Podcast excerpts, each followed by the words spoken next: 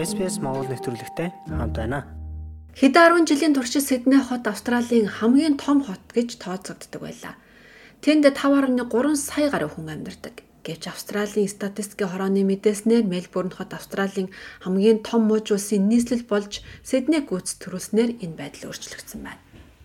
5 сая гаруй оршин суугчтай Австралийн хамгийн том хот болсон Сиднейг Мельбурн хот гүйцэж төрүүлв.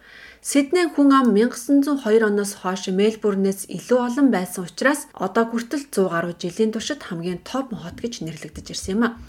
Гэхдээ Австралийн статистикийн товчоо хотын хүн амыг тооцоолохдоо хэд хэдэн аргыг ашигладаг. За үүнд 100000 гаруй хүн амтай зэрэгэлдээ оршин хотыг багтаан тоолдог нэг аргачлал бий. Эндрю Хоу бол Австралийн статистикийн товчооны ажилтан юм. Түүний хэлснээр Мелтон хотыг статистикт оруулсан нь өсөлтөд нөлөөсөн гэлээ.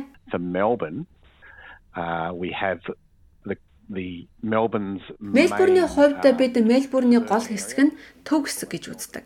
За гэхдээ Мельбурний хотын баруун хэсэгт орших Мельтон хот ч мөн өсөлтийн гол цэг болж хүн амын гол төв цэгийг бий болгож байна. Энэ өсөлт нь Сиднейгээс өндөр байлгахад хүрлээ center and that's now higher than than Sydney. Виктория мужийн баруун захад хүн амын өсөлт 10 жилийн хугацаанд 60 орчим хувиар өссөн байна.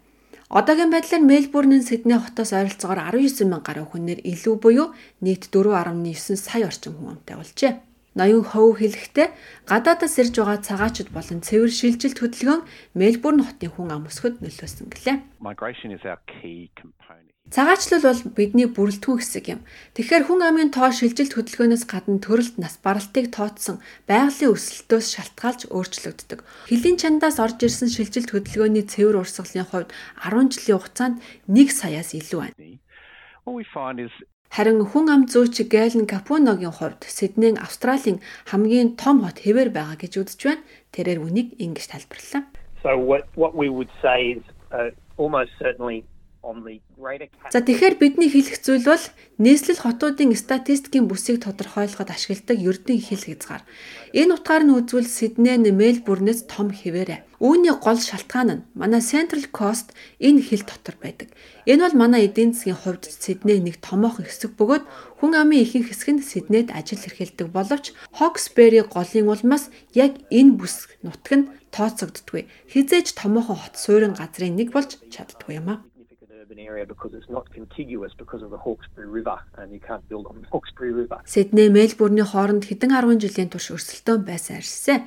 Цаашдаж энэ хоёр хотын хооронд өрсөлдөөн үргэлжилсээр байх болно хэмээн Сиднейн технологийн сургуулийн профессор Пол Эштон ярьлаа. The rivalry between Melbourne and Sydney has had a very very long Мельбурн Сидней хоёр хотын өрсөлдөөн маш урт гүн гүнзгий түүхтэй. 1840-од оноос эхэлэлтэй. Тэр үед шилжилт хөдөлгөөний бодлогоор чөлөөт хөдөлмөрчд, ажилчид, хончид болон бусад хүмүүсийг колончлолоор авчирч сууршуулж байсан. За шинэ өмнөд Вэс Виктория мужуудын газрыг борлуулсан колончлолтой холбоотой зүйлс одоо хүртэл маргаан дагуулсаар байдаг. Difficulties between the the two colonies.